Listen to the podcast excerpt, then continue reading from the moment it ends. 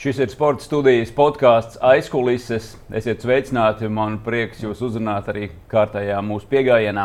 Mūsu šīs reizes viesis pirms dažiem gadiem ir teicis tā.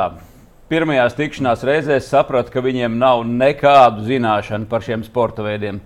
Lielākais izaicinājums bija ievirzīt viņus pareizajās sliedēs, uzbūvēt no nulles visu - tiesnešu brigādi, brīvprātīgos, personālu lai saprotu visus pamatus. Mm. Uh, man šīs reizes viesis ir Normons Kotāns, mm. kurš, manuprāt, pēc 12 gadu pastāvīgas dzīvošanas ārzemēs uz brīdi ir Latvijā cilvēks, kurš pēdējās trīs ziemas Olimpiskajās spēlēs ir piedalījies Renes sporta veidu.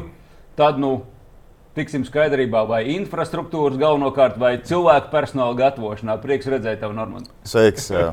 Tu pareizi pateici. Es no 2011. gada Es jau uh, dzīvoju uh, dažādās uh, valstīs, strādājot Olimpisko spēļu projektos, gan Sočos, gan Pjongčangā, kā arī pēdējais ir bijis Ķīnā, Pekinā. Un, Pa vidu es vēl paspēju pastrādāt arī Startautiskajā Bobsleja Skeletonu federācijā, kā sacensību un sporta direktors vairāk kā gadu. Un, Šobrīd es atgriezies Latvijā, un tu man noķēri tieši, tieši atbraucot.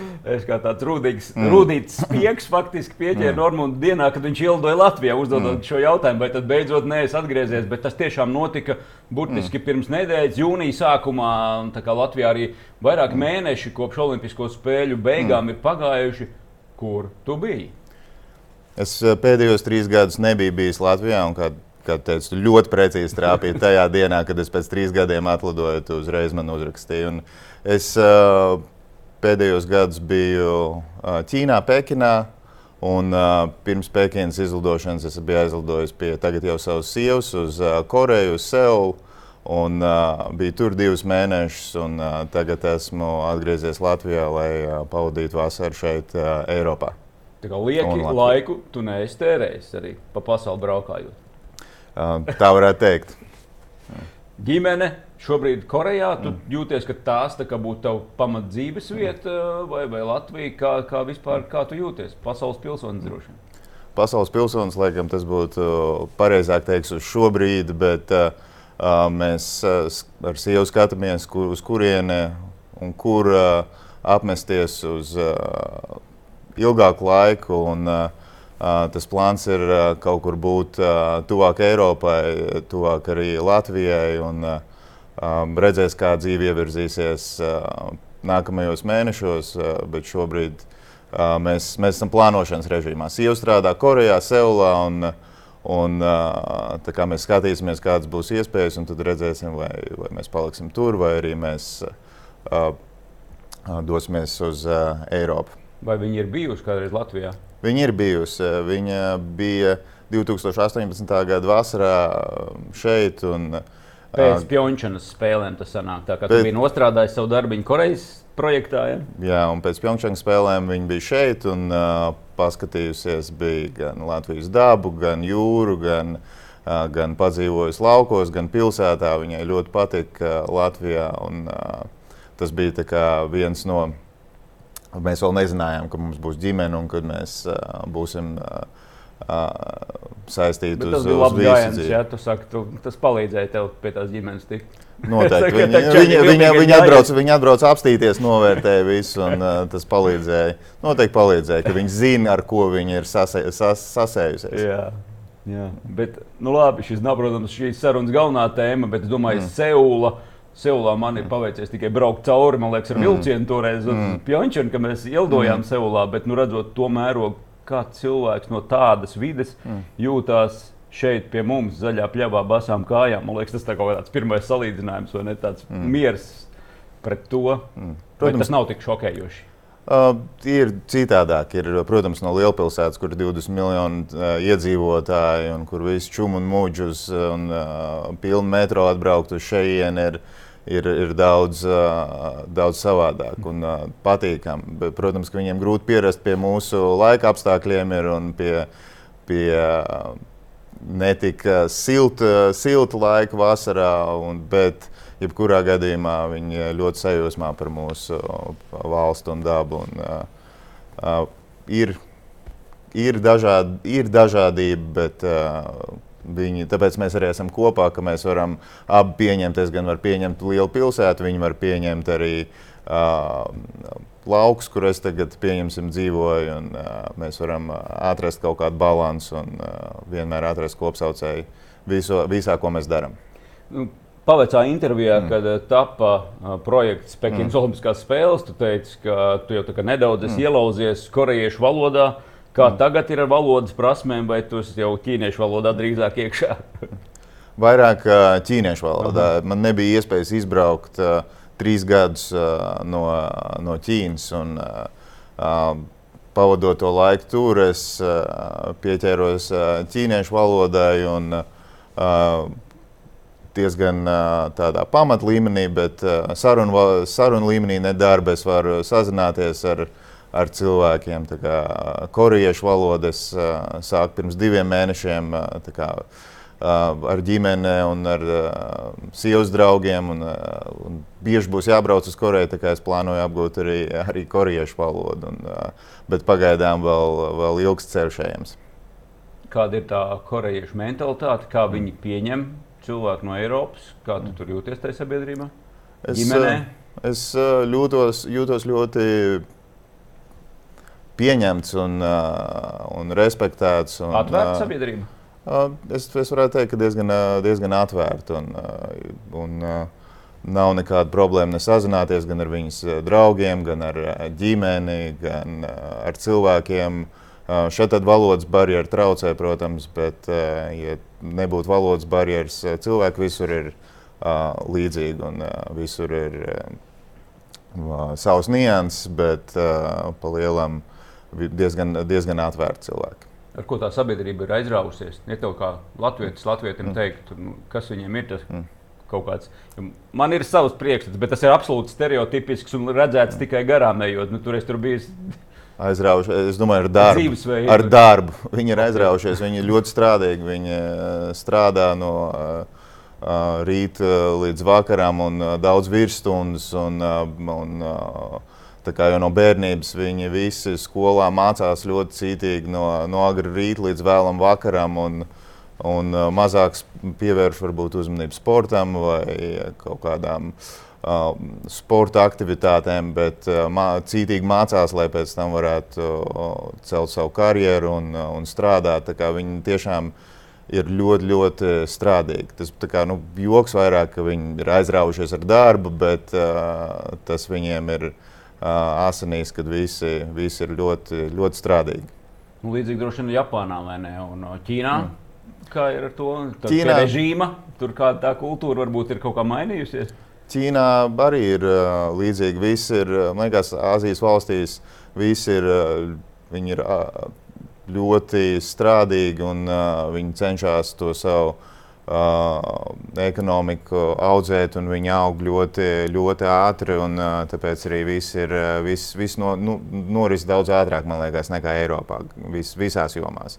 Gan uh, varbūt celtniecībā, gan darbā, gan kaut kādās komunikācijas lietās. Uh, visam ir jānotiek uh, momentā. Ja kaut ko, ja kaut ko uzdod priekšniecība, tad tam jā, nav nedēļa vai divu nedēļu laika risināt. Ir jāatrisina tajā pašā dienā vai jāatbild tajā pašā, tajā pašā momentā. Viņiem vajag uh, atbildes uzreiz, un tāpēc viņ, viņiem tas temps ir daudz augstāks uh, nekā, nekā es biju pieredzējis strādājot varbūt uh, Eiropā. Man par tiem korejiešiem, mm. dienvidkorejiešiem bija savulaik radies tāds nu, novērotāju priekšstats, ka tiem jauniešiem skatot, domāju, nu, tur tā tāda. Nu, tāds modernismu vai gadgetu mm. vai tas kults, kā, vai nu, ārējā izskatā. Nu, ja tu skatīsies mm. jaunieti, tad liksies, viņš no galvas līdz, līdz kājām ir viss pilnīgi, pilnīgi jaunā ģērbies, uh, stila, mm. ārējā veidola, tas visas mm. izpausmes, ka mm. tas šķiet ļoti viņiem svarīgi, bet vai tas kaut kādā veidā saskana ar iekšējo, es nezinu, vai tu uz to vari atbildēt, bet kāda tava vērojuma skatoties, nu, es nezinu, metro uz cilvēkiem vai, vai lidostā uz cilvēkiem? Viņiem ir eh, diezgan liela ietekme no viņu popkultūras, no viņu, no viņu tās eh, mūzikas, no TV seriāliem, un viņi seko saviem, eh, kā viņi saka, idols. Un, mm. un viņi, viņi, ja kāds zvaigzne sāk kaut ko uh, valkāt vai ģērbties kaut kādā stilā, tad, vai matus krāsot, uh, pieņemsim, blondus. Tad visi, visi, nu ne visi, bet uh, liela daļa uzreiz uh, seko viņiem. Un, un, uh, daudz dažādības ir tajā stilā, un viņi, viņš mainās ļoti ātri. Un tāpēc un katrs grib atrast kaut kādu rozīnīti savā tajā ģērbšanās stilā, Un vai vēl. Un, un, tad, un, tad, arī, un tad, tad arī varbūt tas viss, viss dzēna uz priekšu. Es gan ne, es varbūt pie tās pieredzes, tāpēc es nebiju to pamanījis tik ļoti. Varbūt es padzīvošu Latvijā, tad es to atšķirību vairāk redzēšu. Mm. Bet, bet uh, ir ļoti daudz uh, modernu cilvēku, tur tas pareizi, kā tu saki. Mm. Uh, pirms pāris gadiem tu teici, ka gatavoties sacensībām, es, es guļu uh, 3-4 stundas diennaktī. Tas liecina, ka tu biji spiests pieņemt viņu spēles noteikumus, vai vienkārši nu, tajā brīdī ir kaut kādi sastrēguma momenti, ka tev vienkārši nav laika. Uh, Es teiktu, tagad ā, pēdējās spēlēs ā, jau pieredze ā, bija sakrāta pirms tam un visas tās lietas, varēja, kuras bija pieredzētas, kur bija kaut kādas problēmas, varbūt Sočos vai uh, Pjongčangā, jau mēs plānojām laicīgi un strādājām pie tā, lai, lai viss būtu par 100% ā, nodrošināts un nebūtu, nebūtu problēmu. Un es pat teiktu, ka uh, tagad tas uh, režīms bija jau, jau nedaudz vieglāks, bet kādreiz, kad man bija pirmās Olimpiskās spēles Sočos un pēc tam Pjongčangā, nu, tad, tad, tad bija, kā tu, tu teici, kad ir, bija traks, traki laiki un nācās, nācās pieņemt viņu spēles noteikumus. Tas pat nav viņu spēles noteikumi, bet ir, tā ir apziņa, ka tev nav iespēja pārcelt neko. Nu, ka tev ir jāizdara, kad Olimpiskās spēles mēs zinām jau vairākus gadus iepriekš, cikos būs sacensības, un kad uh, tas ir sākums, nav, nav nekāda pārcelšanas iespēja. Tāpēc visam ir jābūt izdarītam. Daudz kas paliek uz pēdējo brīdi, un tāpēc šoreiz mēs centāmies visu izdarīt laicīgi. Ja. Jā, jā, man atgādināja saruna ar modes mākslinieku Bruno Birmanu, mm. kurš gatavoja, un joprojām ir iesaistīts liekas, mm. tērpu dizaina veidošanā Latvijas Olimpiskajai komitejai. Mm. Un tad viņš teica, ka viņam līdz ar tieši tāpēc patīk sports un olimpiskās spēles, ka tur ir tas deadline, mm. nav pārceļams. Nav variantu, jo tās spēles būs un atklāšanas ceremonija būs tajā datumā, ko jau ir zināms jau pirms gadiem, četriem jau uz priekšu. Tas arī laikam man uh, patīk tajā darbā, kad vienmēr tu zini, kad ir, ir deadline un kad ir, kad ir tas uh, motivācija visiem strādāt uz to Tas rezultātu, to labāka laiku. motivācija par deadline, mm. vai ne dzīvē ir šausmas, bet diemžēl mm. tā ir realitāte. Uh, tas nozīmē, ka tu savā ziņā arī iemācījies deleģēt darbus. Droši vien, ka sākumā visu pats par tām stundām, gulētajām, negulētajām. Ar laiku mm. droši vien iemācās cilvēks arī. Protams, uh, deleģēt, un uh, tagad jau vairāk, ja es pirms tam darīju visu. Uh, man bija, es biju pats atbildīgs par visu sacensību organizēšanu, tad jau Pekinā es jau biju vairāk kā eksperts jomā. un Man bija ar uh, kolēģiem, saviem ķīniešu kolēģiem, visiem man bija jādod viņiem nu, vadlīnijas, kas viņiem ir jādara, kas viņiem ir jāplāno. Daudz ko es darīju arī pats, bet uh, uh, lielākoties uh, nu, bija vairāk viņiem jāpasaka, un man bija paveicies ar komandu. Un, un tiešām viss bija ļoti, ļoti uh, motivēti un, un centīgi. Un, uh, varbūt, ja dažiem pat nebija pieredzes tajos sporta veidos, bet viņi ātri apķēra visu. Un, Un viss tika norganizēts, uh, es varētu teikt, labākajā līmenī šoreiz uh, Pekinā. Gan, gan ledus ziņā, gan loģistikas ziņā, trasē, gan viss, kas bija saistīts ar trasi, viss bija, man liekas, vislabākajā līmenī šoreiz. Tā mēs vēl pieķersimies. Viņš papratināšu, protams, par to arī ar visiem plusiem, mīnusiem un, un, konsekvencēm. Bet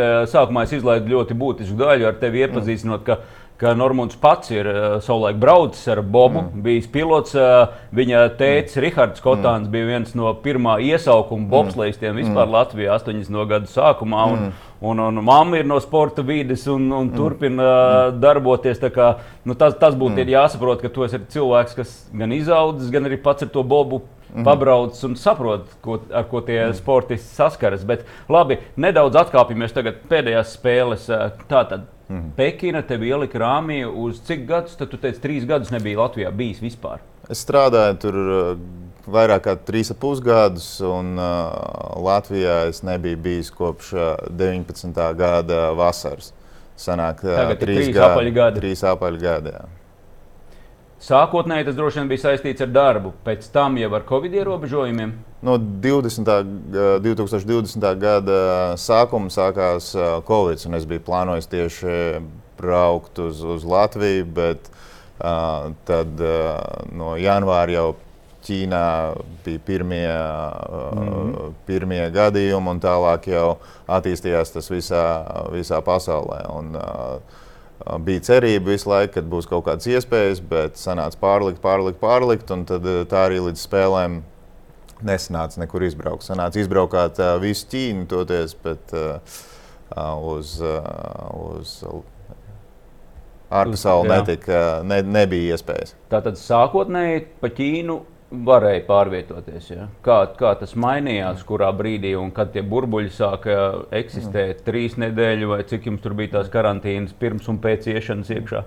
Mums bija burbuļi uz uh, starptautiskām treniņu nedēļām, uz pasaules kausiem, uz starptautisko federāciju uh, vizīšu laikā, uh, vai arī, nu, kā arī uz olimpiādas. Uh, tad uh, mēs nodzīvojām burbulītēs tā saucamajā starp viesnīcu un trasi, to pasākumu uh, laiku. Un, uh, Uh, tad pēc tam parasti bija arī divas vai trīs nedēļas jāpavada karantīnā, lai, lai tiktu uz kas ir ārpasauli, bet Ķīnā. Un tad, kad mēs bijām jau Ķīnā, tad ārpus tā burbuļa, jo viņiem uh, Covid tie, uh, ierobežojumi bija. Uh, tika organizēta, ka tur nebija neviena gadījuma. Tāpēc, kamēr Eiropā un varbūt Amerikā bija visur bija lockdown, tad Ķīnā viss bija atvērts. Un pa to laiku mēs varējām brīvi pārvietoties tur. Nu jā, bet, bet ārā tevi nelaida. Tieši Var, uz vienu varēja izbraukt, bet man atva, atva, atvaļinājums, atvaļinājums un manas brīvdienas nenosaka manas uh, dienas, kuras man būtu jāpavada karantīnā vienā un otrā pusē. Tāpēc uh, nu, tas būtu pārāk sarežģīti. Arī biļetes sarežģīti bija iegādāties. Un, uh, speciāli izsaukumi bija vajadzīgi tajos laikos. Tāpēc tas uh, bija iespēja aizbraukt, bet uh, tas būtu pārāk, uh, pārāk sarežģīti un uh, Kā tu laikietilpīgi. adaptējies tajā situācijā? Jo, nu, vai tu radīji kaut kādu savu, tev bija kaut kāds konkrēts viens viesnīcas numurs tajā sauktajā burbulē, kur tu jau sāc, sāki justies kā mājās? Jo, ja tev ir cik pirms un pēc tās kongresa, ko tu minēji, vai, vai treniņa nedēļas, vai sacensībām, mm. nu, tātad pirms mm. un pēc tev jābūt tajā karantīnas mm. režīmā. Tas kopā ņem cik laiku? Nu, tur mēnesis. Tas būtu- Rēķini, ja mums ilgākais bija uz uh, pasaules kausiem un uz uh, starptautiskām uh, treniņu nedēļām, kad mums bija bobslēgs, skeletons, kamaniņu sports viens pēc otra. Mēs divus mēnešus dzīvojām burbulī, ieskaitot karantīnas mm. laiku. Nu, tas, bija, tas bija lielākais. Un, Palielam jau vi, varēja visu iepriekš ievest viesnīcā, ir savs viesnīcas numurs, savs viss, viss tika sagādāts, uh, lai ēdieni un viss pārējais, lai, bū, lai pietiktu uz visu laiku. Īstenībā vismaz kārtīgi tev bija. Ja? Kārtīgi, kārtīgi to viss. uh, viss ir. Uh, Nebija viegli noturēt, bet uh, uz div, divus mēnešus jāuzturās vienā istabā. Bet, Nu, jā. nebija, nebija problēma. Un visam var adaptēties ar laiku, pierod pie visa. Un, ja es kādreiz teiktu, ka tas būtu neiespējami vai, vai tas nav iespējams, bet, ja, ja ir projekts un ir kaut kā, kā mēs pirms tam runājām, deadline un ir jāizdara tas darbs, tad nu, es, es nepametīšu un neteikšu, ka es nevaru te dzīvot. Mm. Vai es, es nevaru pavadīt divus mēnešus, es braukšu mājās. Un tas raksturs un, uh, man neatļauj. Ja mēs zinām, ka tāda ir spēles noteikumi uh, valstī un uh, kad tā mums ir uh, jādara. Un, uh, lai nodrošinātu, sport, ka sportisti var atbraukt uh, uz šejienu un trenēties un uh, sacensties, tad tas mums jādara, jo mēs to darām priekš sportistiem. Un, uh, es kā bijušais sportists, nu, es, es saprotu, ko tas nozīmē, uh, ka, ka es braucu uz kaut kādu trasi, un, un, un es ceru, ka man tur kāds sagaidīs un viss būs norganizēts. Un Nu, bet tāpēc- mentāli, kurš bija tāds, varbūt nu, bija kaut kādi punkti, kad nu, Mm. Gultā skaties, grieztos, visu vairs nevar. Nu, tāds grūtākais kaut kāds lūzuma brīdis. Nu, Tas nebija tāds. Bet nebija laika gulēt, gulēt. nebija laika. Jāstrādā. Bija jāstrādā un jāizdara savs darbs. Nu, un, Tas vienmēr palīdz Un, un, nav, nu, nav jautājumu par to. Nu, ir, ir grūti, ir, ir smagi, bet nekad nerodas jautājumu, ka es, es, tur, es, es to vairs nevaru, vai es to neizdarīšu. Es apsolīju, ka es izdarīšu. Mēs esam vienojušies, ka es nostrādāšu šeit līdz noteiktam datumam, es arī to izdarīšu. Nu Jā, no manas niecīgās pieredzes. un Pat, nu, tajā nedēļā man sanāca, ka man mm. nedēļa iespundēja Tokijas Olimpiskajās mm. spēlēs, kontaktpersonas statusā mm. viesnīcā. un Tad es tev varu pilnīgi piekrist tajās dienās, kad mm. tu saliki, saliki savu grafiku, savu montāžu, mm. turpat viesnīcā un tā izkaut kāds ga- nodarbina sevi un, mm. un katru dienu kaut ko ražo dari. Tad jau, tad jau daudz vienkāršāk tas ir. ne? Tas ir mums arī pat, pa- pat četrās sienās esot. Mums arī tās četras sienas ir tikai naktī Nu, izgulēties, jā, jo bija lielāko laiku pavadīja darbā, trasē vai ceļā. Un, viesnīcā tu atbrauc, izgulies un brauc atpakaļ uz, uh, uz darba vietu. Tas arī viss. 2021. gada 8. novembris varēja būt ļoti traka dienā. Tu atceries, kas notika? Jā, 2021. gada 8. novembris, tas ir treniņa nedēļa. Mm -hmm. Atceries to dienu? Atceros. Jā, kas notika? Uh, notika, uh, trasē bija teiksim, tā, uh, kļūme, kontrole turnī, un, uh, kas izraisīja uh, uh, negadījumu trasē. Un, uh, tas, protams, bija liels šoks uh, visiem. Un, un uh, iedeva tādu pļauku visai, visai orkomitejai un visiem cilvēkiem, ka, ka, kad nevar atslābt uh, nevienā brīdī un ka katram ir jāuzman viens otrs. Kad, uh, kad, uh, bet beidzās viss, uh, viss uh, uh, varēja beigties sliktāk, bet uh, beidzās viss uh, pietiek uh, atrisināts. Un, uh, Un uh, sportists pēc tam uh, atbrauc arī uz Olimpiskajām spēlēm atpakaļ. Skatītājiem, klausītājiem tas bija tāds tests, uz ko Normons nebija iesildīts un sagatavots. Es nosaucu tev vienkārši datumu, un tu atcerējies šo datumu, mm. jo tas, tas varēja būt nu, ļoti traģiski, jo polijas kamaniņu braucējs ieskrēja mm. virāžas eh, žodziņā, kuras virāža nebija atvērta, kur savienojas vīriešu un sieviešu trases, ja pareizi saprotu, ja, tajā, tajā vietā. Un Tas, tas vārtiņi nebija, nebija vaļā, viņš salauza mm. ceļgala bļodiņu, yes. kā pats teica, ka varēja būt vēl daudz, daudz trakāk. Noreaģēja. Pēc tam, protams, tur bija daudz spekulācijas par to, kā tas tika pasniegts Ķīnā, kā tas tika pasniegts Eiropā. Nu, tā ir tā dzīvošana starp šiem diviem vai ne, informācijas mm. laukiem un savā ziņā arī cenzūra. Mm. Nevis savā ziņā, bet, bet tas, kas tur ir. Bet nu, tev tā diena. Mm. Tas, tas nu, nerunājot par to traģēdiju, kas varēja notikt, tas par sevi būtu mm. vispār ārpus jebkā. Bet, bet tev bija tā sajūta, ka tu, nu, tavs darbs arī var karāties matu galā. Tā bija tava atbildība, vai, ne, vai kurš vai nē, vai tu kā va- Tan, nu, virs atbildība, teiksim tā, nu, kaut kādā tajā piramīdā. Nu. Tā bija atbildība no cilvēka un no trases kā īpašnieku puses, kas vadīja, va- tieši bija atbildīgi par to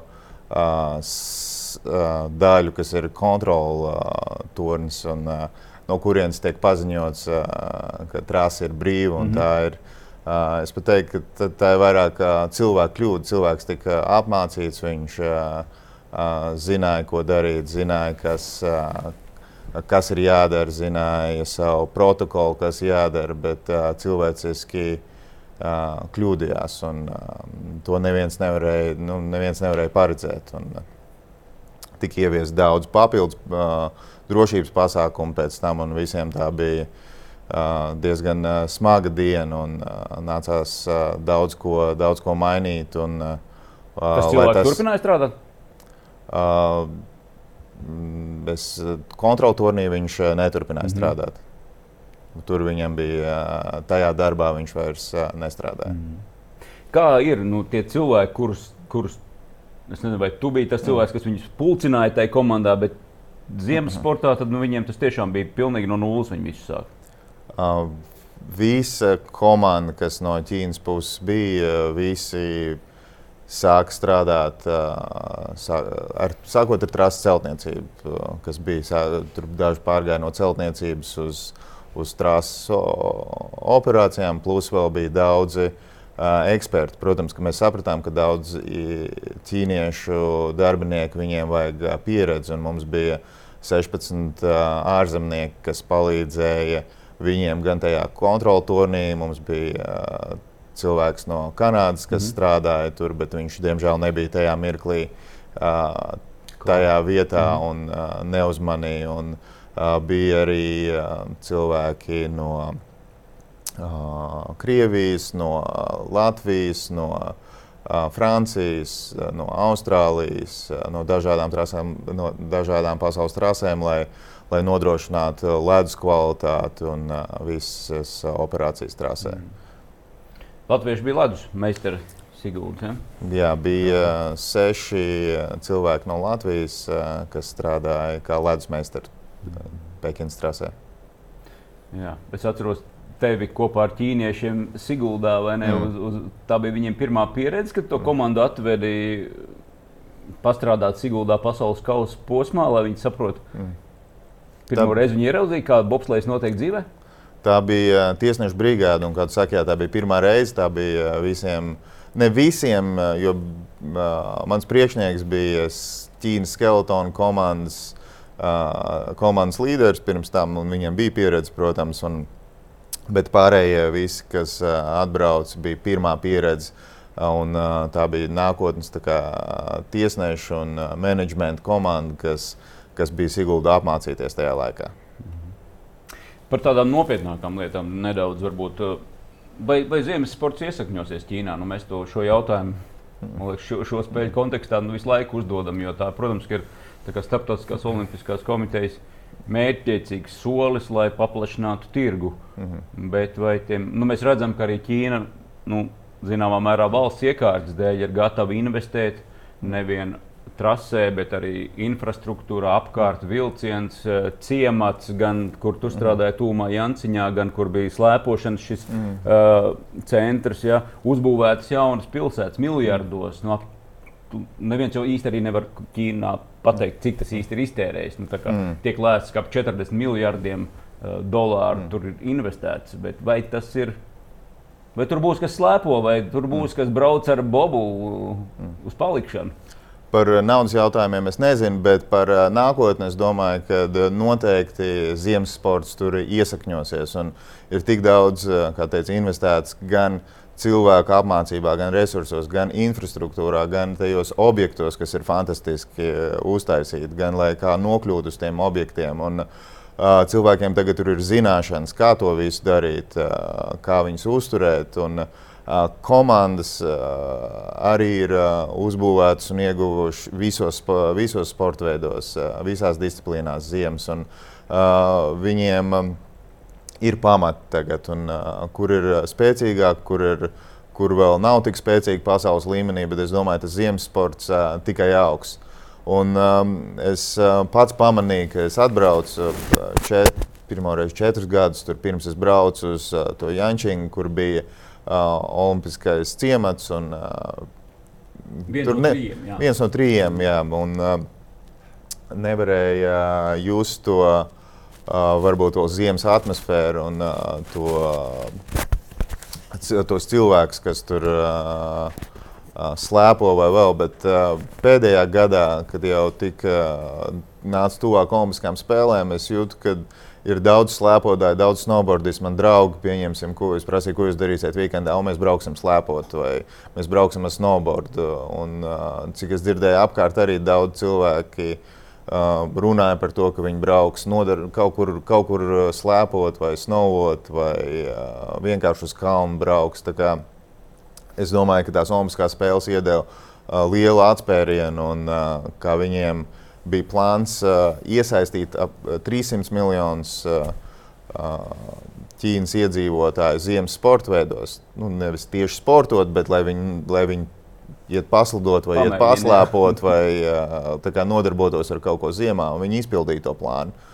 Un, um, uh, tagad uh, es domāju, ka pandēmijas uh, visi tie procesi, kas tur nomierināsies, es domāju, uh, tas viss uh, tikai uh, progresēs. Un, es par to nešaubos. Sniegs ir 90% mākslīgais, jo mm. tur vienkārši ir saules klimats un nesniegs dabisks. Mm. Uznāca sniegs Olimpijas laikā, un mm. tad visiem bija panika, ka bija pēkšņi īstais sniegs. Bet, uh, Nu jā, tā kā tu tam tici, un arī tur tā sabiedrības turīgā daļa ir pietiekami liela, jau izaugusi, ja kas to var atļauties. Kad mēs runājam par Jančīnu, tur ir blakus Ķīnas lielais mūris. Pieņemsim. Viņiem izbrauc tam Ķīnas lielajam mūrim 20 miljonu cilvēku cauri katru gadu. Un viņiem pilsētā ir sabūvēts viesnīcas, infrastruktūra. Viss, viss ir, lai viņi aizbrauktu arī paslēpot, lai viņi aizbrauktu arī uz to trasi, nobraukt ar kādu turismu, bobu vai vuču, mm. kā pie mums Latvijā sauc. Uh, un, uh, es domāju, ka viņiem ir visas iespējas, ja viņi tagad uh, sāks to darīt.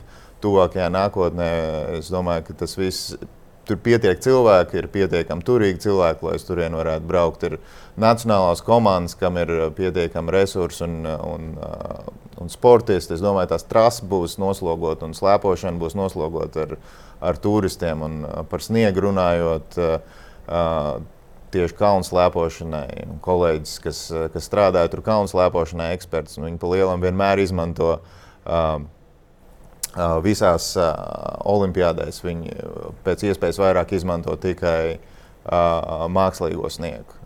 Viņi neiz, ne, īsto sniegu viņi nemaz īsti nelieto, jo tas, tas viņiem ir vajadzīgs trāšu sagatavošanai. Tāpēc tas tāds uh, arī diskutabls uh, jautājums, vai viņiem Nu, es nezinu, ko zaļie par teiktu par šo par šito mm. tēmu, par to ūdens sūknēšanu.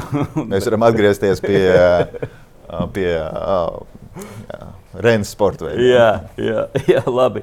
Uh, Klau, uh, nu jā, bet, bet Korejā nu, kampaņveidīgi arī iesaistīja, vai ne?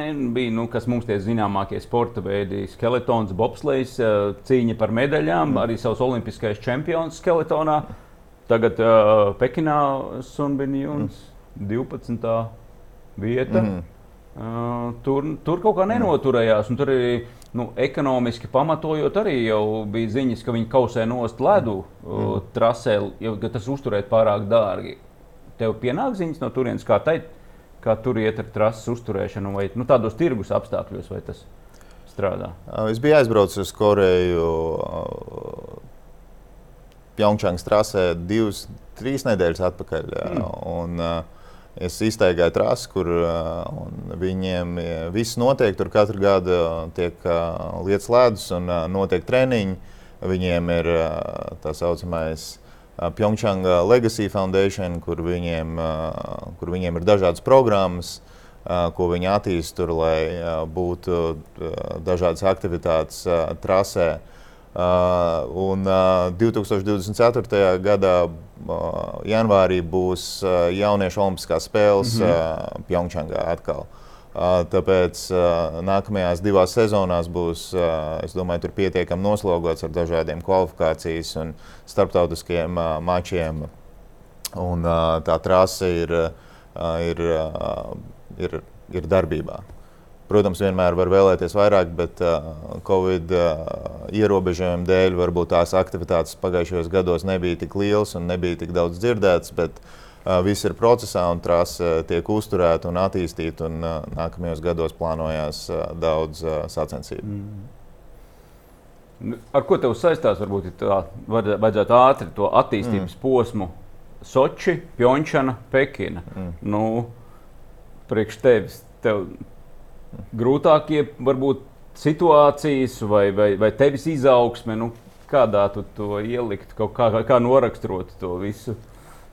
Es domāju, Soči bija tas, ka, tas laiks, kad es, es tiku iemests eh, tādā ellē, un man nācās izdzīvot, un kur es iemācījos uh, visu pats izdarīt. Jo es atnācu kā sportists, izbijis, un man nebija nebija ne kontakta, ne pieredzes, ne, nezināju kādu no starptautiskās federācijas. Es vienkārši tiku pieņemts darbā no, no aizsūtot savu CV internetā. Un, es, es nonācu tur un man nācās izdzīvot. Un tur es, tur es pa lielam to visu apgūvu, kas ir vajadzīgs. Un, pēc tam Pjongčanga atļāva man jau noslīpēt kaut kādas zināšanas un vairāk arī pievērsties uh, kamaniņu sportam un strādāt ar, ar visām trīs disciplīnām. Un, jau, jau nostabilizēt un, un saprast un salīdzināt, kā var vienā un kā var otrā uh, olimpiādē darīt. Un, kad, kad nav viss pēc vienas grāmatas jātaisa. Mm. Ir, kā, ir jāpiemēro katrai valstī kaut kas savs, un, un jāpie, jāpiemērojas kultūrai un jāpiemērojas vietējām, vietējām birokrātijai vai darba stilam. Būvniecības no. process Kā var salīdzināt? Or, es domāju, varbūt nedaudz organizētāks. Tas bija Āzijas valstīs, nekā Krievijā, bet Krievijā bija atkal apjoms milzīgs un, un strādnieku daudzums. Un, uh, es domāju, ka Āzijas valstīs varbūt tas tika panākts ar mazāku cilvēku apjomu un, un organizētību. Racionālākais mm. uh, varbūt risinājums trasē mm. no šīm trim, tavuprāt, nauda pret, uh, nauda pret rezultātu efektivitāti? Rangs tavs. Jāskatās, es domāju, katrai trasē ir savi plusi un savi mīnus. Un, Uh, piemēram, Ķīnas trase neiederētos nekad kādā Eiropas mazpilsētiņā. Pēc mēroga kaut vai pēc mēroga vai pēc, pēc izmēra un pēc telpām un vispārējā. Bet, priekš Ķīnas un priekš Pekinas, priekš tiem izmēriem, viņi tur iedarās tajā visā. Un, tāpēc katrai, katrai trasē ir savu, savu specifiku, un viņi ir piemēroti tai, tai vietai. Es domāju, ka uz jāskatās. Tagad būs vēl lielāka pieredze pēc trīs spēlēm. Un, uh, ja kādreiz vēl izdosies kaut kur strādāt uh, ar Olimpiskajām spēlēm, tad uh, varēs cerams, ka varēs izmantot jau vairāk to zināšanu, un cilvēki vairāk klausīs uz, uz, ko, uz ko vajag koncentrēties un uz ko varbūt nevajag tik ļoti. Nu, tāds piezemējums, ja nu, es saprotu, mm. ka tev nav nekāda statusa vēl attiecībā pret nākamajām spēlēm mm. un tām trasēm, bet, bet piezemējums Eiropas tādā tomēr darba stilā. Mm. Uh, Itālijā, kur man liekas, Itāļi bija teikuši, ka viņi vēlas iekļauties 60 miljonos mm. uh, eiro uh, kas noteikti ir daudzkārt mazāka nekā, mm. man liekas, ka vai tik nebija 400 tūkstoši, 440 miljonu dolāru bija Pekinas budžets. Tev jāzina, nav jā, jāsaka. Nu, es nezinu, es par, tu, par, nu, par, bū, ne, par to, par celtniecību. Labi, tas, protams, ir preses, tikai presē, presē mm. redzamās ziņas, mm. bet man liekas, bija 440 miljoni dolāru, kas, kas varētu, un, un tagad, un Kortīna grib tikt cauri 60, kas noteikti ir izdarāms, vai ne? Tikai tas par Pekinu vēlreiz nav ne jausmas par uh, naudas uh, lietām, bet uh, uh, par uh, Kortinu man vēl. Mm, Nav nekāda pagaidām, es neesmu redzējis ne, ne mm -hmm. projektus, neko. Tāpēc es, man grūti pateikt, kāda plāna. Bet tur ir eksistējoša trase, kur ir jānojauc un jāuzbūvē tajā pašā vietā. Bet, bet es domāju, tur būs daudz vienkāršāka tā būvniecība, jo tur jau ir pamati, tur, ir, tur nav jātaisa liela zemes darba. Es domāju, mm -hmm. tur jau ir daudz kas, daudz kas ir tajā vietā, kas nebija varbūt Sočos vai iepriekšējās Olimpiskajās spēlēs. Nu jā, būtībā tā ir viena no tām vietām, ja mēs runājam par, par rentabilitāti, mm. tad, tad spēlēm Ziemassvētku, mm. kas infrastruktūras ziņā ir dārgas un mm. par to tautas pielietojamību, nu, jo īpaši mm. šajos veidos varētu pastrīdēties, tad droši vien mm. tur arī ir jātaisa. Tas ir vis, visprātīgākais droši vien. Labi, Ķīna tas mm. ir atsevišķs stāsts, un mm. visiem gribas to lielo Ķīnas tirgu un mm. tur kā ielikt. Un, un, un, ja Ķīna to dara, mm. lūdzu.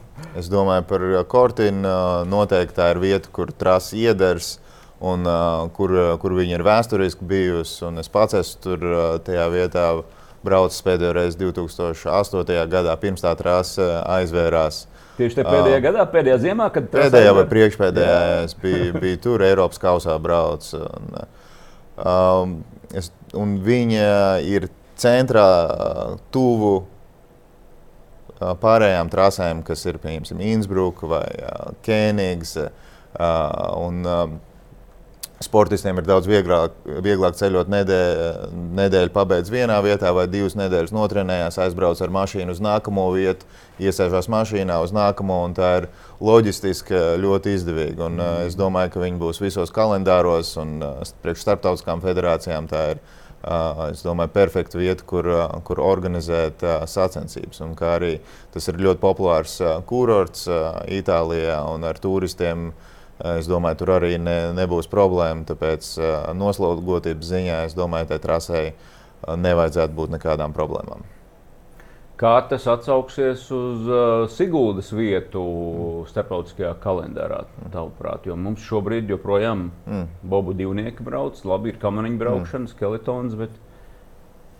Mm. Protams, būs vēl viena trasa, kas konkurē kalendārā un vienmēr ir limitēts uh pasaules kausa skaits. Parasti viņi ir uh, astoņi mm. uh, vai Popslijā skeletonā, un, ja nemaldos, deviņi ir kamaniņu sportā posmi. Un, Uh, būs vēl viena trase, kur ir, kur ir konkurence. Un, un starptautiskā vide viņi atbraucot, skatās un dod savu feedback federācijām, kas tādu kalendāru, un uh, tad viņi skatīsies. Un jānotur tas līmenis ir, un uh, cerams, ka arī nākotnē būs kaut kādas uh, iespējas attīstīt trasi, lai arī varētu četrnieki braukt un visas disciplīnas, lai tās trases varētu funkcionēt un atnest uz šejien arī daudz cilvēku, kas gribētu trenēties šeit. Un, jo ziemā, ja ir iespējas braukt visos veidos, simtiem cilvēku brauc, trenējās un dzīvo Siguldā. Tāpēc es, es domāju, ir, ka tas būtu nepieciešams arī nākotnē šeit. Ilgtermiņā, jo tā trasa mm. ir tur un tās tradīcijas ir šeit Latvijā. Un, Kāpēc viņi un, pie mums brauc?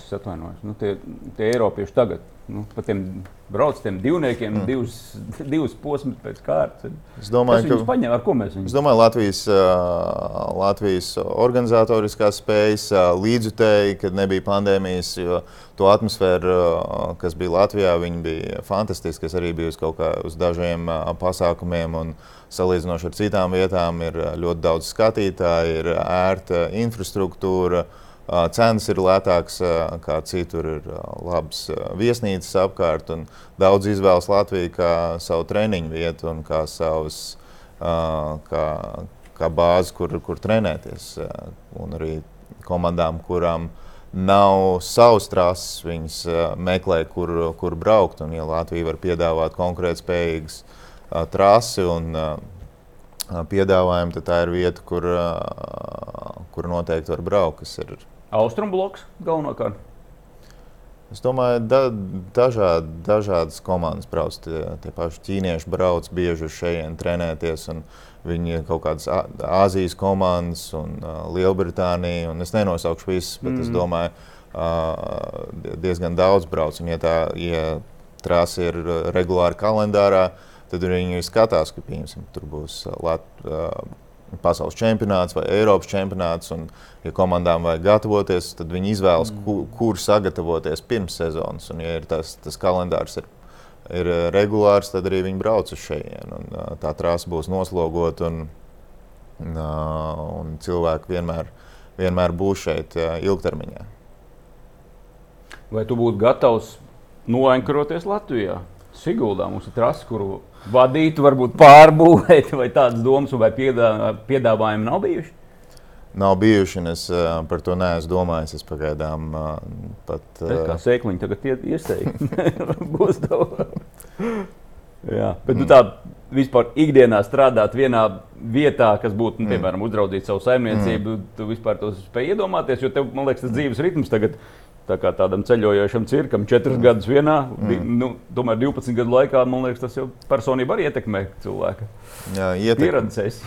Pierasts ir pie tā režīma, kas teica, pierasts ir pie tā deadline, pie kaut kāda projekta darba un pie uh, strādāt ar starptautiskā vidē.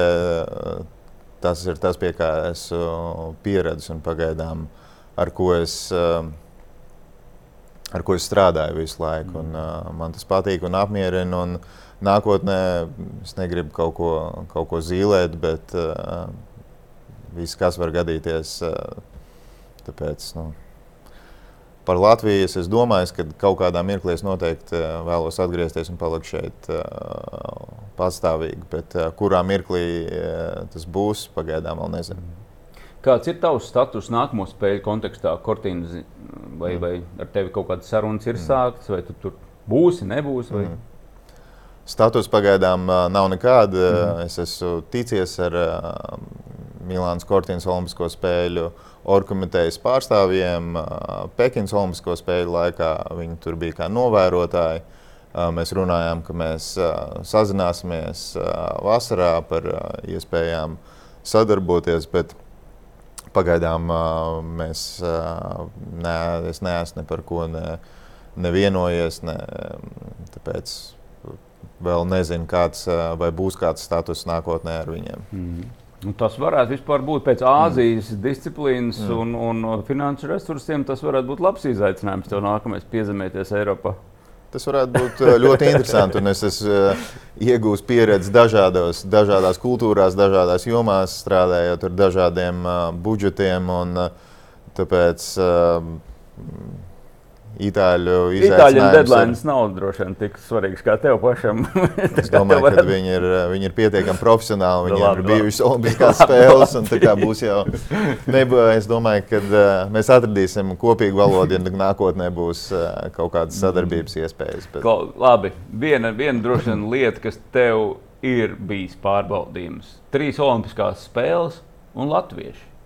Mm -hmm. Un kā tu ar to vispār esi ticis galā? Jo, uh, Man liekas, pēdējā spēlē jau es pat latviešu sportistiem pat nejautāju, nu, nu, kad ar viņiem mm. sarunājos, vai, vai Kotāns mums kaut ko nevar pateikt. Bet kā to ar to es ticis galā? Jo es domāju, ka tajā brīdī, kad Latvijā mm. uzzināja, ka Normons Kotāns vadīs mm. kaut kādus procesus Sochi Olimpiskajā trasē. Mm. Tad uh, nu, normāls tikai, protams, cilvēkam jautājums, mm. viņš, viņš mums varētu pateikt, kāds būs ledus, kāda mm. tur tā virāža, kā tur tas jābrauc. Mm. Kā tu ar šo tiki galā? Jo tomēr tu esi Latvijas, un tu viņus mm. zini. Bobslēdzis mm. pazīst, skeletonis, nu visus tu viņus pazīsti, viņš mm. savējie. Protams, bet godīgi es neesmu treneris vai es nezinu, kā tās virāžas izbraukt. Un, un, Latvijas treneri zina labāk, kas, kas ir jādara. Un nav tā, ka es varu kaut ko pateikt. Nu, es vairāk strādāju organizatoriskā jomā. Un, uh, Un, uh, es varu palīdzēt, kā es palīdzu visām komandām. Un, ja man piezvanītu, pieņemsim, uh, uh, Sandis vai, vai, vai kāds cits, un pajautāt, klausies, mums tur vajag uh, kaut kur transportu vai kaut ko, vai, vai var izpalīdzēt. Protams, ka es vienmēr izpalīdzēšu, bet tas ir tas plus, ka viņi man var atrast uh, kaut kādā uh, īsākā veidā, kā citām komandām tas, uh, tas ir iespējams, vai citiem ir jāiet caur, caur dažādiem citiem cilvēkiem. Un, uh, Tāpēc, protams, ka es palīdzu, bet tādā braukšanas ziņā vai ledus ziņā nu, es tiešām es neko nevaru viņiem tu palīdzēt. Tu nezini, nu, kāds būs tas ledus. Nu, es zinu, viņš slīdens ir. Viņš ir slīdens, viņš, viņš tiks noliets. Nu, nu, bet, nu, ciets tur kaut kāds, nu, atceros. Bet viņi jau redz, viņi atbrauc uz trasi, viņi treneri saprot, nu, viņi, viņi redz, viņi izmēr, kāda ir temperatūra, mm. viņi zina, kāda ir laika apstākļi. Viņiem tā pieredze ir, ir daudz lielāka. Es, es zinu, ka būs ledus, mums ir ledus meistari, kas ir kas katru dienu to ledu gatavo, ir profili, bet uh, tas ledus ir kā ledus. Nu, viņi jau treniņu braucienos viņi brauc, un, un treniņiem viņi nemainās uz mačiem. Un, Uh, nu, bet grib... gribu teikt, ka tev nebija, es neticu, ka tev nebija, piemēram, sākotnēji, ka tev neviens nezvanīja un neprasīja, klausies, kādus tur labāk būvēt, tur bobu vai skeletonu vai kamanas tai trasē. Nu, nebija nevienas tādas situācijas latviešiem, ka nu, beigās, ka ne? nebija. Ne. Nebija. Nu, nav, es, arī, es arī nevarētu pateikt. Nu, visi, visi redzēt, ka informācija cirkulē apkārt mm. ļoti ātri. Visi tie trases projekti tiek uh, prezentēti kongresos. Tāpēc visiem tā informācija jau ir uh, diezgan, uh, diezgan laicīga. Un, uh, uz papīra var minēt tikai, kā tas viss būs un, un skatīties. Uh, realitātē var tikai, ka tā trāsa ir uzbūvēta. Jo es, es daudz redzēju, ka projektā cilvēks skatās, vai man pašam licies, ka šī virāža būs ne, ļoti sarežģīta, vai te būs izbraukt ļoti grūti, vai tā mm -hmm. būs visgrūtākā vieta. Un izrādās, ka viss ir pilnīgi atžgāni. Tā vieta, kur likās, ka būs nekas nebūs, ir izrādās. Uh, Vissarežģītākā vieta trasē, kāds bija piemēram Pjongčangā, 9. virāža vai Mm. Neviens, neviens negaidīja, ka tur varētu būt kaut kādas problēmas, bet izrādījās, ka tā ir viena no sarežģītākajām atslēgas vietām trasē. Tāpēc, nu, tas tāds, um, no manas puses es daudz pat nevaru tajā, tajā palīdzēt. Organizatoriskajā jomā, protams, es varu kaut kur palīdzēt kādam, kā es daru visām komandām. Tā kā tu saki, ka tev nav bijušas tādas. Nu... Problēmas, ka nu, bija tā kā vainas apziņa, es te Latvijas esmu, mm. bet uh, mm. nedrīkstu, nedrīkstu, mm. Pal, nevis nevaru, bet nedrīkstu palīdzēt.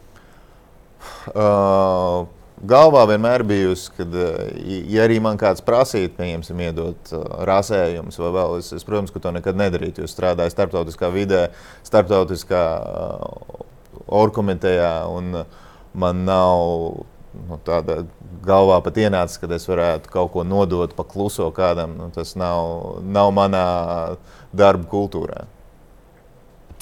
Klau, labi, pieķeramies nedaudz tam sporta veidu hmm. specifikai, spēj, dzīvot hmm. spējai. Um, hmm. Dažādi ir tie viļņu veidi attīstības sporta veidā un nācija dominants, bet nu, tagad hmm. Pekinā uh, netaisīšu konkursu jautājumu, varbūt mm. arī var darba burzmā, bet nu, mm. no ja nemaldos, no desmit zelta medaļām Renē, no desmit disciplīnām, mm deviņas izcīnīja viena valsts, Vācija. Mm. Kā uz to vispār uh, skatīties? Man liekas, bija 14 medaļas no 30 kopumā mm izcīnīja Vācijas mm sportisti. Pirms pāris pirms gadiem, astoņiem bija viņiem bedri, mm. nu, bobslajā, skeletonā. Tagad saņēmās. Mm. Divniekos vispār večiem, ja? viss mm. vis piedestāls, četrniekos. Pirmā, otrā vieta, mm. sievietēm līdzīgi. Monobobos vienīgi mm. nebija vāciešu mm. piedestāla sieviešu. Ja. Mm. Pārējos visās kamerās tā skaitā. Cik ilgi tā var turpināties, vai tam vispār ir jēga? Nu, ko tie pārējie tur dara? Vācieši ir ieguldījuši milzīgus resursus gan uh, tehnikas attīstībā, gan savas komandas attīstībā, gan uh, visu materiālu zinātnē.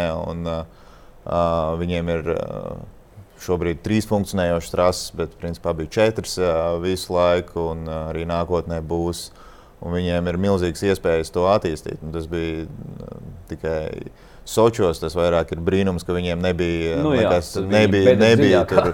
Bet uh, komandām ir augšupējoša līnija un lejupējoša līnija. Tagad viņi ir. Viņi ir es, es runāju ar kaut kādu Vāciešu federācijas vadību. Viņi teica, ka viņi pat nebija gaidījuši tik labus rezultātus. Viņi pat necerēja kaut kādos uh, veidos izcīnīt tik daudz uh, medaļas. Un, uh, šobrīd viņiem ir. Viņi ir uh, virsotnē. Cik ilgi tas būs, var tikai skatīties. Redzēs, ka pārējām valstīm arī ir jāsaņemās un uh, jāiet, uh, jāmēģina arī attīstīt un iet klāt. Un, protams, ka tas ir nenormāli sarežģīti sacensties ar uh, tik lieliem resursiem. Bet Cik ilgi? Grūti pateikt. Vai tu redzi kādu valsti, kas būtu gatava darīt to pašu, ko, ko Vācija, vai kādam tas vēl ir tik ļoti vajadzīgs? Nu, mēs droši vien to nevaram vienkārši mm. finansiāli, mēs nevaram mm. ar viņiem sacensties, bet nu, liela valstis, kas mm. to darīt. Un... Jo man liekas, par vāciešiem rodas tas priekšstats, ja viņi vēlas, viņi mm. vienkārši saņemās un ir mm. investē tehnikā, mm. trases ir, sportistos mm. un viss notiek. Ir vēl valstis, kurās ir diezgan liela attīstība. Es tagad biju uh, Korejā. Es redzēju, kā korejiešu komanda attīstās. Viņi iegūda liels resursus, un viņiem ir uh, vēlēšanās augt arī nākotnē. Un, uh, tāpat Ķīnas komanda, ko es esmu redzējis, kad iegūda resursus un, un, un attīstās. Bet viņiem, viņas ir jaunas komandas. Vācijas komanda jau ir uh, desmit gadus uh, bijusi augstākajā līmenī. Viņiem ir gan treneri, gan zināšanas, gan pieredze, kā to visu attīstīt. Āzijas valsts vēl tikai augtajā jomā. Par, par Eiropu un par Ameriku man grūtāk spriest, tāpēc, ka es neesmu bijis tur klāt un es nezinu, kāda, kāda viņiem ir attīstības plāna. Bet es domāju, ir, ir, ir diezgan daudz valsts, kuras, kuras vēl joprojām attiecas diezgan nopietni pret rennes sporta veidiem. Bet nevienā citā valstī nav Mm. Četras trases, nu, labi, saki, tagad trīs, jā, Kenijas mm. jau laikam nopostīja daba, mm. bet, bet nu, tāpat tā, gan jau, ka būs drīz mm. apakaļ, tas ir turīgā, mm. turīgā Vācijas reģionā. Un, mm. Bet, eh, nu jā, vai uz kurien tas sporta veids iet?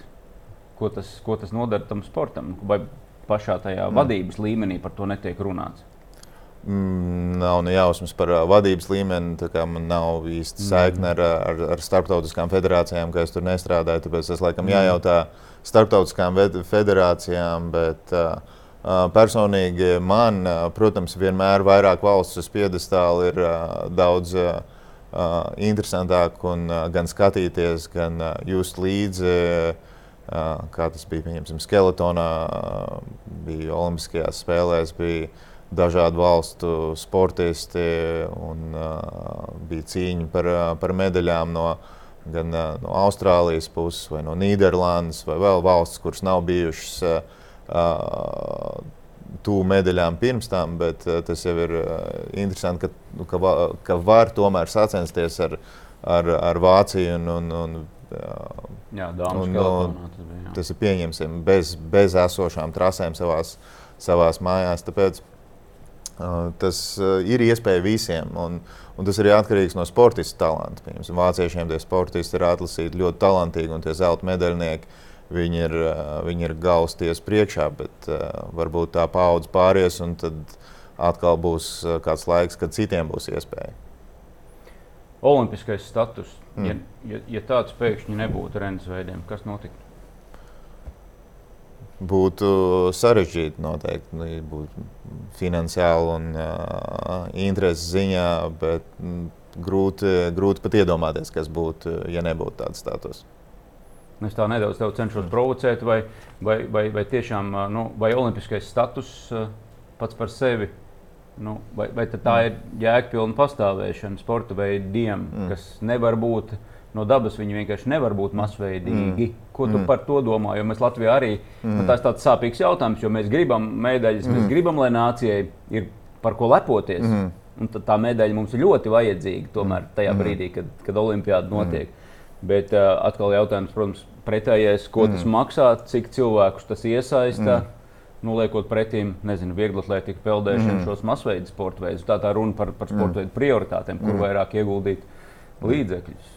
Protams, ka fiziski tas nav iespējams mazs sports veids, jo nu, jā, ir, viens, ir noteikts daudzums braucienu, ko, ko dienā var izdarīt, un tas nebūs uh, tūkstošiem sportistu. Tas ir uh, augsts sasniegums sports, tas ir uh,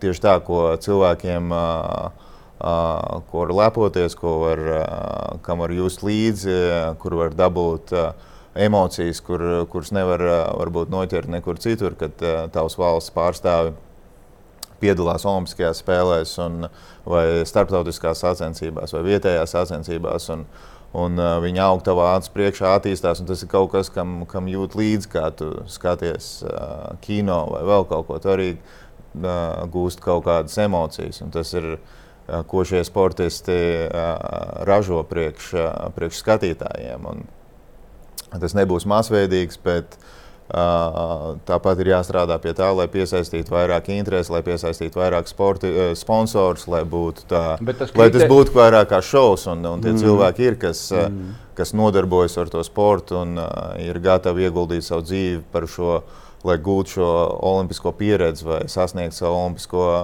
ko, olimpisko mērķi. Un tās ir olimpiskās spēles, uz ko visi, visi tiec.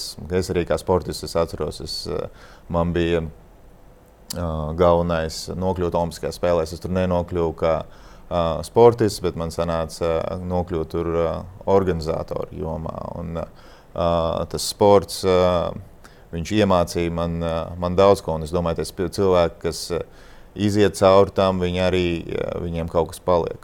No otras, no vēl viens punkts ir par trases esamību un attīstību. Un šie sportisti rezultāti un no sacensību organizēšana, kā mēs runājam, pirms tam piesaistīs uh, daudzus uh, cilvēkus, kas brauks uz šeit trenēties, kas atstās savu naudu šeit. Uh, kas, jā, bet, nu, kas ja, palīdzēs ja, attīstīties. Protams, protams, jā, tā ir īstenībā ekonomiski mm. funkcionējošs mm. mm. darbības veids, var būt. Mm. Siguldas trase un, mm. un tiešām ar šīm treniņu mm. nedēļām lielā mm. mērā var, mm. var nodrošināt šīs trases mm. esamību. Bet, ja šīs trases Latvijā vispār nebūtu, diez vai mēs vispār runātu par, par, par Latvijas pēkšņu mm. iesaisti bobslējā vai, vai skeletonā vai, Protams, tas būtu uh, ļoti sarežģīti. Tas būtu, uh, ne, jo šeit bija tradīcijas, treneri, mm. tehnika, un tas viss, protams, palīdz. Un uzbūvēt kaut ko no nulles ir, ir, ir ļoti sarežģīti, ja nav bijuši nekāda pirms tam tradīcija šajā jomā. Bet vai, vai, vai vispār, tavuprāt, šādiem sporta veidiem ir jādzīvo, kuri nav pēc būtības mm. komerciāli dzīvot spējīgi, mm. kur tomēr ir subsidēti mm. no valstīm, lai kurā valstī tas arī mm. būtu. Vai viņiem ir jādzīvo? Protams, mēs nevaram, mm. negribam nogalināt visu latviešu lepnumu ap, apziņu, jo es, es arī esmu no tiem, kas aizstāv, ja reiz mums tā mm. trase ir, tad mm. mums tā ir jāizmanto. Jā. Un, es, un, un, bet, bet es, tas princips kā tāds. es, es domāju, ka, protams, ka viņiem ir jāpastāv un jā, jāvirzās uz to, lai viņi tiktu, lai, lai tas būtu kā šovs, lai tas piesaistītu naudu, lai tas būtu jāstrādā ar Startautisko federāciju kopā, lai tas, tas viss nestu uh, uh, labumu un lai tas, lai tas sports varētu pakāpeniski uh, uzturēt sevi. Bet, protams, ka atbalsts ir. Uh, noteikti ir nepieciešams arī no, no valsts puses. Savādāk es domāju, ka viņiem būs grūti, grūti pastāvēt. Mm. Monobobu nākotne. Mm. Kā tu to skaties? Jo tur varbūt nu, ir mm. arī paralimpiskajā sportā mm. šie bobi tiek izlozēti. Mm. Uh, vienlād, vienlīdzīgāki vai ne tie varbūt tehniskie, mm. tehniskās iespējas. Vai tas ir ceļš, kas ejams? Un ir atkal cita ortodoksālie bobsleji mm. cilvēki, mm. kas ir mūžu nodzīvojuši savā mm. garāžā un zina, mm. tur līdz katram mezglam, vis, katrai skrūvītei. Mm. Tur, saka, tur atkal pazūd bobsleja viss šarms. Mm. Es arī tam varu kaut kādā ziņā piekrist, ka ir forši atkost mm. kaut ko jaunu, mm. ka tā motivācija rodas ne tikai braukšanā, mm. bet arī tajos meklējumos mm. atrast kaut ko labāku nekā varbūt tam vācietim ir. Kur?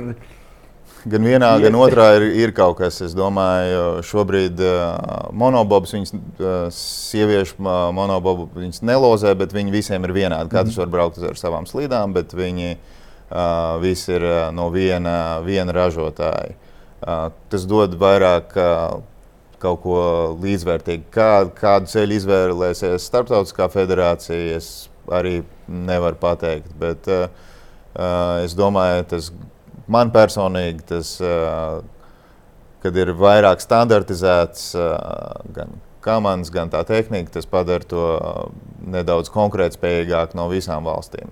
Tas arī bija redzams monobobos, ka Vācijas sportisti nebija tik konkurētspējīgi šajā veidā. Tāpēc varbūt, kad teicu, vienā gan otrā ir kaut, kaut kas, bet man personīgi liekas, ka tas standartizētais pieejams būtu vairāk, vairāk piemērots. Mm. Kā ir paralimpiskais šī kustība?